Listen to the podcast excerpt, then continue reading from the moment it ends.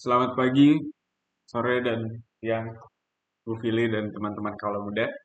Saya Alvin Nabil, mahasiswa Teknik Mesin Atmajaya dengan NIM 2019 Pada kali ini, saya akan membahas tentang apa sih yang membedakan perpindahan panas dengan termodinamika. Pada termodinamika, kita membahas tentang proses transfer energi dari suatu sistem ke lingkungan atau sebaliknya.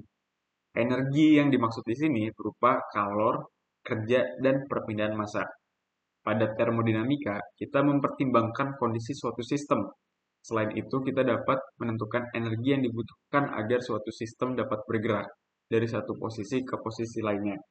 Sedangkan pada proses perpindahan panas, kita menghitung berapa laju perpindahan panas dan metode yang digunakan pada mekanisme perpindahan panas. Nah, mekanisme ini ada tiga macam. Ada tiga mekanisme yang berbeda. Yang pertama adalah konduksi.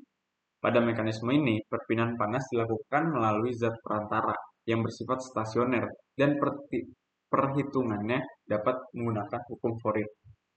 Contoh nih, saat kita beli Indomie nih makan di tempat, mangkoknya pak, mangkoknya panas.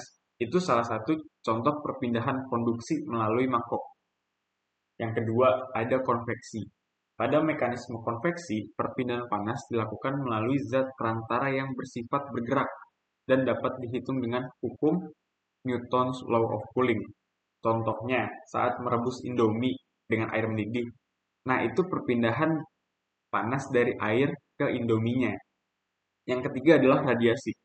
Pada mekanisme ini, perpindahan panas tidak dilakukan melalui zat perantara, melainkan gelombang elektromagnetik dan kita dapat menghitungnya dengan menggunakan hukum Stefan Boltzmann. Contoh saat kita ingin menjemur Indomie yang kita makan. Itu salah satu contoh perpindahan panas dari matahari ke Indominya. Atau contoh lain dengan eh, kita memanaskan Indomie dengan microwave. Itu adalah contoh gelombang elektromagnetik. Sekian penjelasan dari saya, Alvin Nabil.